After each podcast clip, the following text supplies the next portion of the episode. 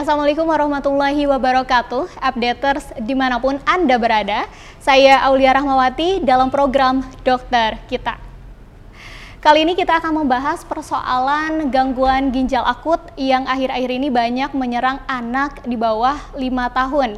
Dan banyak yang beranggapan bahwa gangguan ginjal akut pada anak disebabkan oleh vaksin COVID-19 dan sirup. Nah, untuk e, menjawab pertanyaan atau keresahan dari masyarakat, di studio kami sudah hadir Dr. Rini Sofiani, selaku dokter spesialis anak di Rumah Sakit e, R. Samsudin SH. Namun sebelum itu, mari kita simak video berikut ini. Gangguan ginjal akut pada anak menjadi perbincangan hangat di kalangan masyarakat Indonesia hingga hari ini karena mengakibatkan ratusan anak meninggal dunia.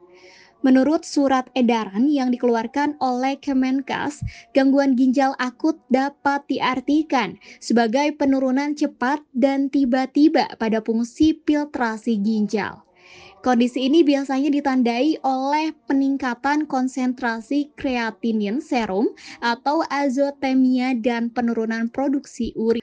Selain itu, Kemenkes juga mengungkapkan jika penyebab dari penyakit gangguan ginjal akut diduga karena kandungan zat kimia diethylene glikol dan etilen glikol pada obat sirup anak. Hal tersebut mengacu pada data yang dilaporkan dari rumah sakit di 28 provinsi di Indonesia yang menunjukkan hasil pemeriksaan konsisten bahwa faktor resiko terbesar penyebab gangguan ginjal akut pada anak merupakan efek dari EG dan DEG pada obat sirup. Setelah mengetahui hal tersebut, Kemenkes bersama BPOM langsung melakukan pemeriksaan laboratorium dan telah menarik sebanyak 73 obat sirup dari lima perusahaan farmasi di Indonesia yang mengandung ditilen glikol dan etilen glikol.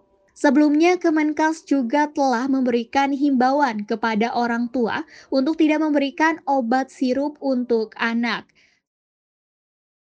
Halo dokter, bagaimana kabarnya? Sehat ya dok? Halo juga Halo, Mbak Aul. Iya. Halo juga updaters. Iya. Alhamdulillah. Alhamdulillah sehat. sehat. Nah dok, uh, saya ingin memulai pertanyaan yang sederhana nih. Iya. Uh, mungkin uh, updaters di rumah masih uh, banyak yang belum paham mengenai fungsi dari ginjal sendiri. Nah boleh dijelaskan dok? Ya, uh, ginjal manusia itu ya termasuk anak-anak itu ada di rongga uh, badannya, di, hmm. di rongga abdomen, uh, jadi di rongga perut itu ada di belakang rongga perut. Itu kita punya dua, kiri dan kanan. Fungsinya itu yang pertama dia untuk mengeluarkan uh, cairan tubuh yang berlebihan. Kemudian untuk sekalian untuk me, membuang racun tubuh yeah. ya. Jadi semua racun-racun tubuh itu dibuangnya lewat ginjal.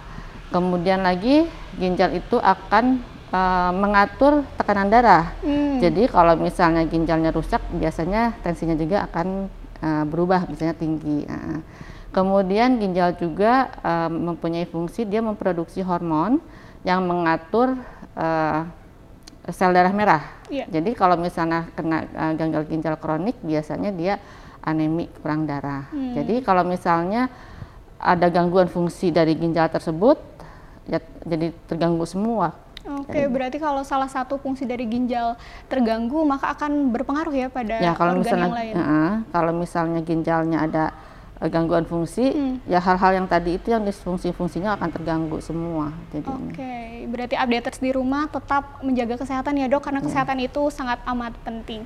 Nah dok, eh, Kementerian Kesehatan dan Ikatan Dokter Indonesia sudah eh, memberikan temuan atau laporan bahwa tercatat 241 kasus sampai 50% angka kematian pada anak nih dok. Sebenarnya apa sih yang menjadi penyebab dari gangguan ginjal sendiri dok?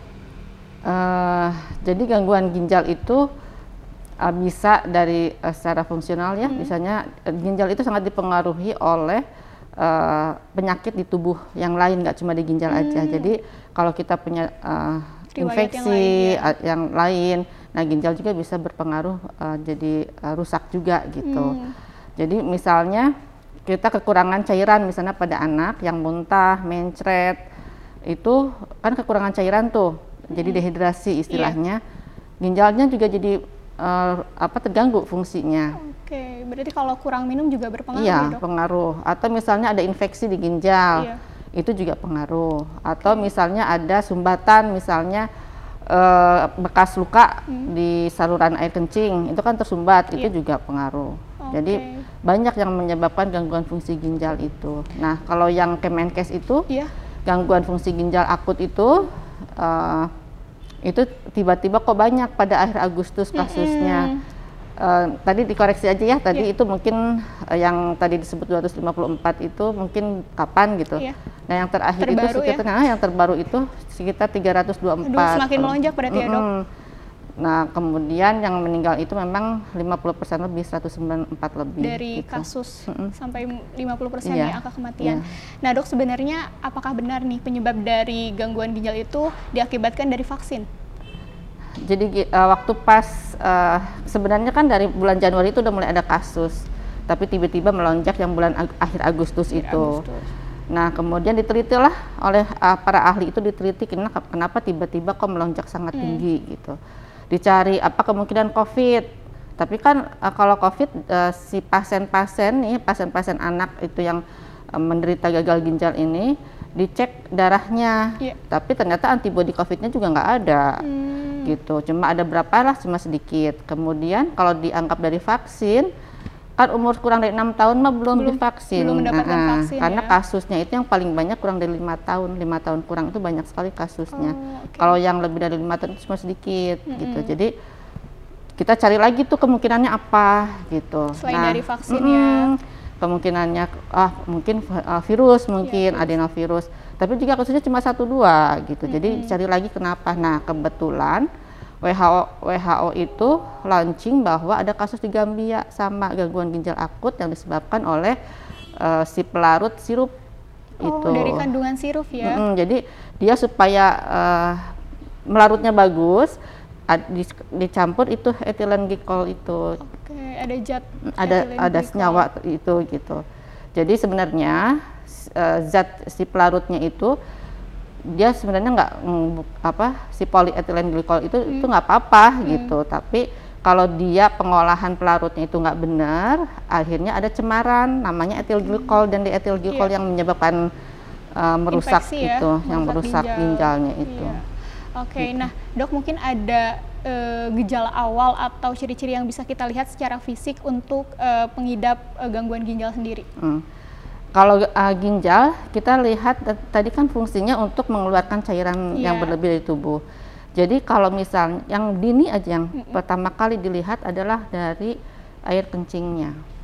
Jadi kalau misalnya air uh, frekuensinya, jadi berapa kali dia uh, BAK-nya, kemudian jumlah urinnya, jumlah si air uh, air sendinya itu, dan warnanya dilihat dari situ. Oh, berbeda ya Mm-mm. dok. Oke. Seperti kalau misalnya di kamar mandi kamar mandi umum nih, Iya. toilet umum itu itu suka ada eh, makin keruh dia makin warnanya makin gelap berarti minumnya kurang ya nah, itu. Hmm. Jadi kalau warnanya gelap itu mungkin dia kurang cairannya. Kemudian kalau frekuensinya itu kita kalau misalnya eh, anak eh, yang sudah lebih apa lebih besar itu tidak akan sering BAK-nya. Cuma kita harus cek tiap 3 sampai 4 jam.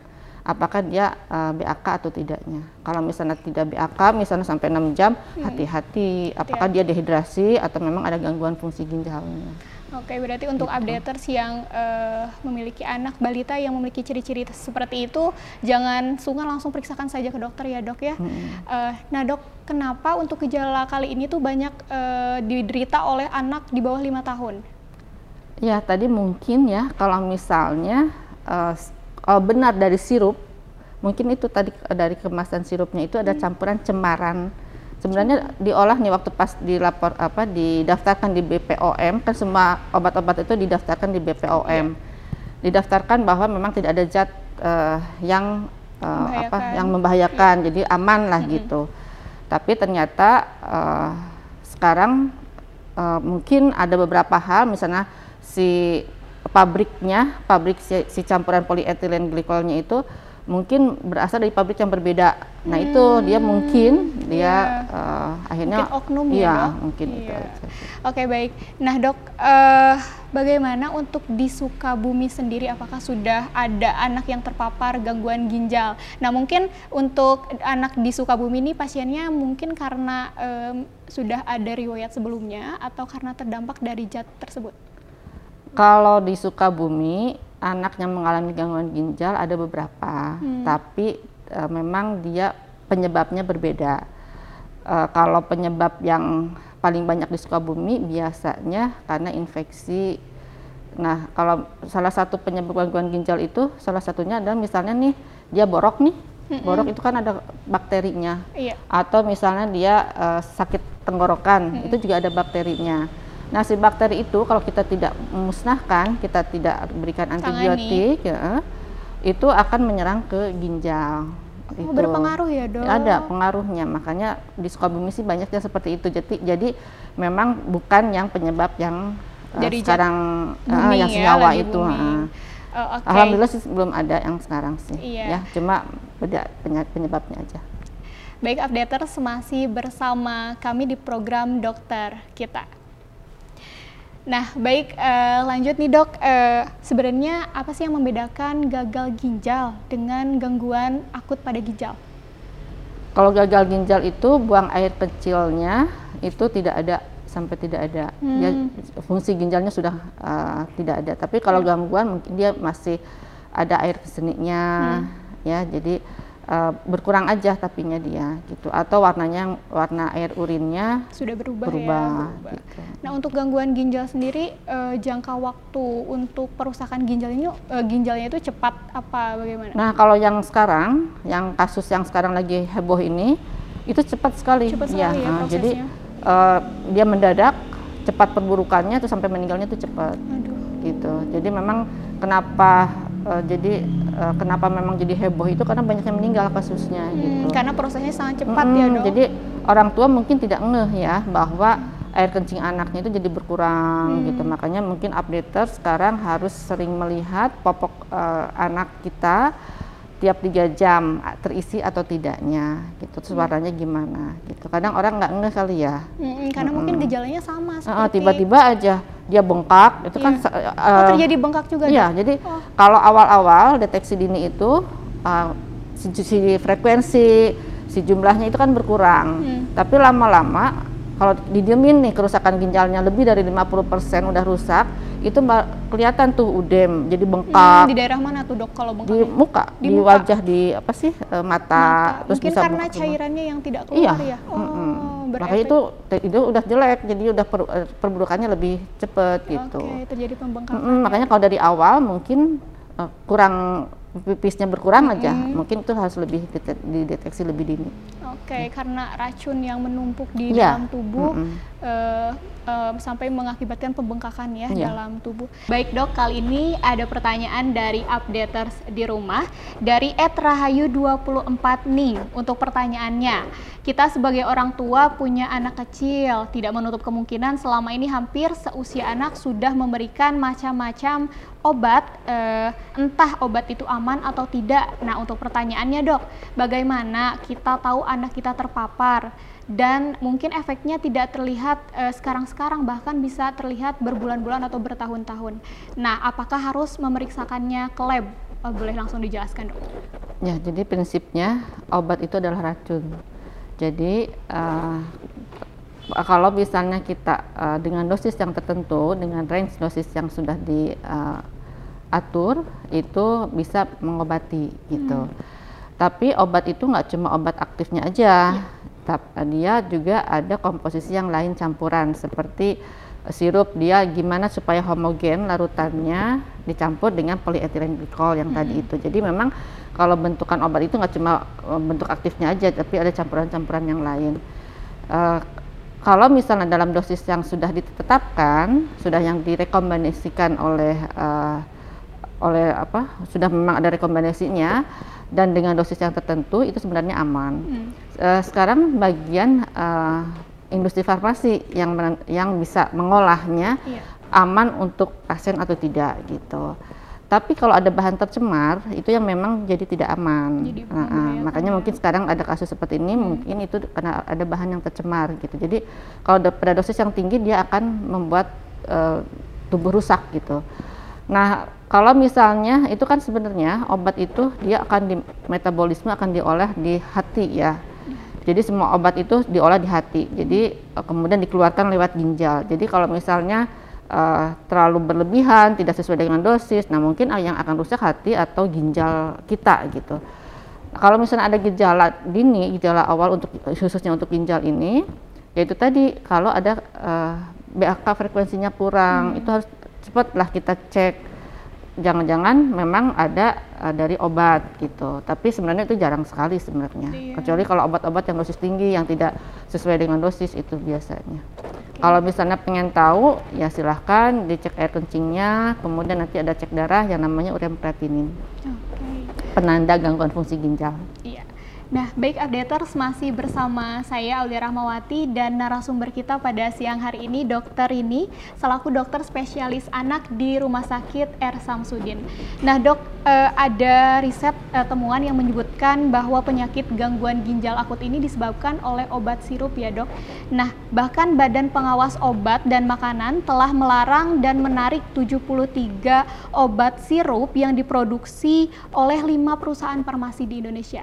Nah, uh, bagaimana bila ada uh, masyarakat atau orang tua yang sudah terlanjur memberikan obat tersebut, dok?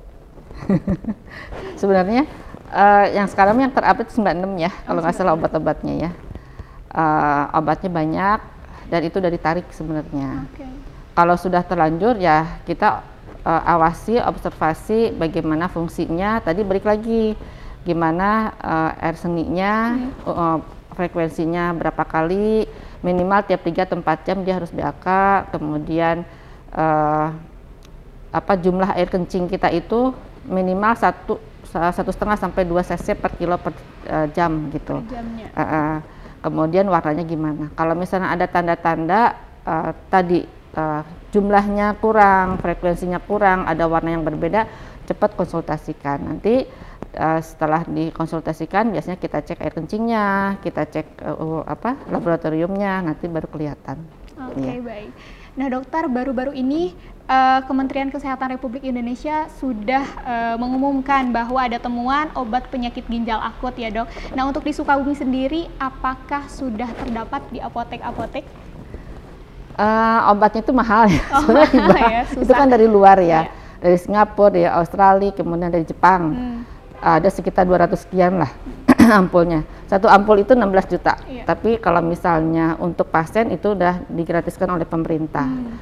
Itu uh, kas karena kasusnya di kita nggak ada, itu tidak diberikan dan itu pun biasanya di rumah sakit rumah sakit besar. Hmm. Uh, jadi memang kita tidak nggak dapat karena memang kasusnya pun nggak ada gitu. Oke. Okay.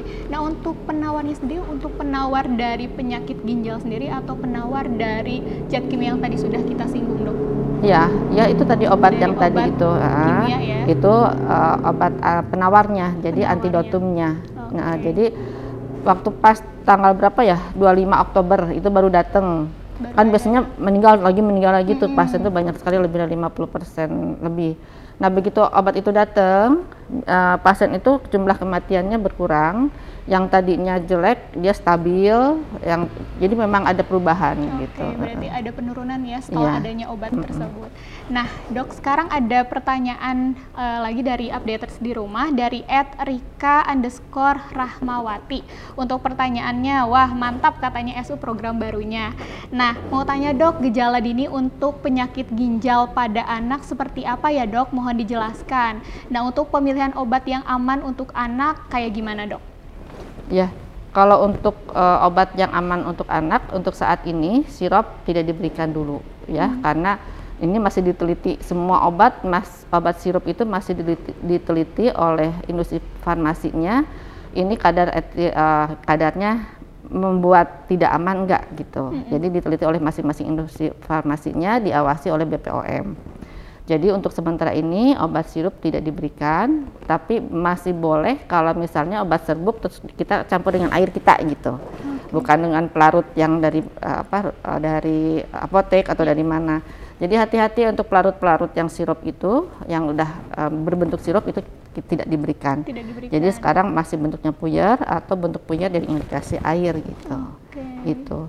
Terus apa tadi ya yang satunya Untuk uh, obat yang aman, Dok yaitu yang obat yang obat yang sekarang itu tidak belum ada rekomendasi obat yang uh, diberikan. Okay. Ada beberapa sih rekomendasi ada beberapa obat tapi kemarin dicoba lagi dicek lagi gitu. Hmm. Jadi untuk uh, ayah uh, untuk yang di rumah updaters yang punya anak di rumah untuk sementara kita pakainya tablet ya. Sediakan yang tablet kalau misalnya untuk obat demam biasanya kan anak-anak tuh demam apalagi sekarang nih cuacanya seperti ini banyak sekali yang demam, batuk gitu jadi obat tablet kalau beratnya 10 kiloan kita bagi 4 hmm. tabletnya ya bagi 4. Kalau beratnya sekitar 20 kilo kita baginya uh, dua gitu. Jadi di, dengan apa dengan pisau yang tajam dibagi dua, kemudian dikasih air dilarutkan gitu. Okay. Untuk sementara nah, itu. Nah ini dulu. untuk gejala dininya katanya dok yang bisa dilihat secara ya, fisik mungkin. Uh, gejala dini gangguan fungsi ginjal tadi uh, lihat frekuensi BAK-nya, ya, terus jumlah BAK-nya sama warna BAK-nya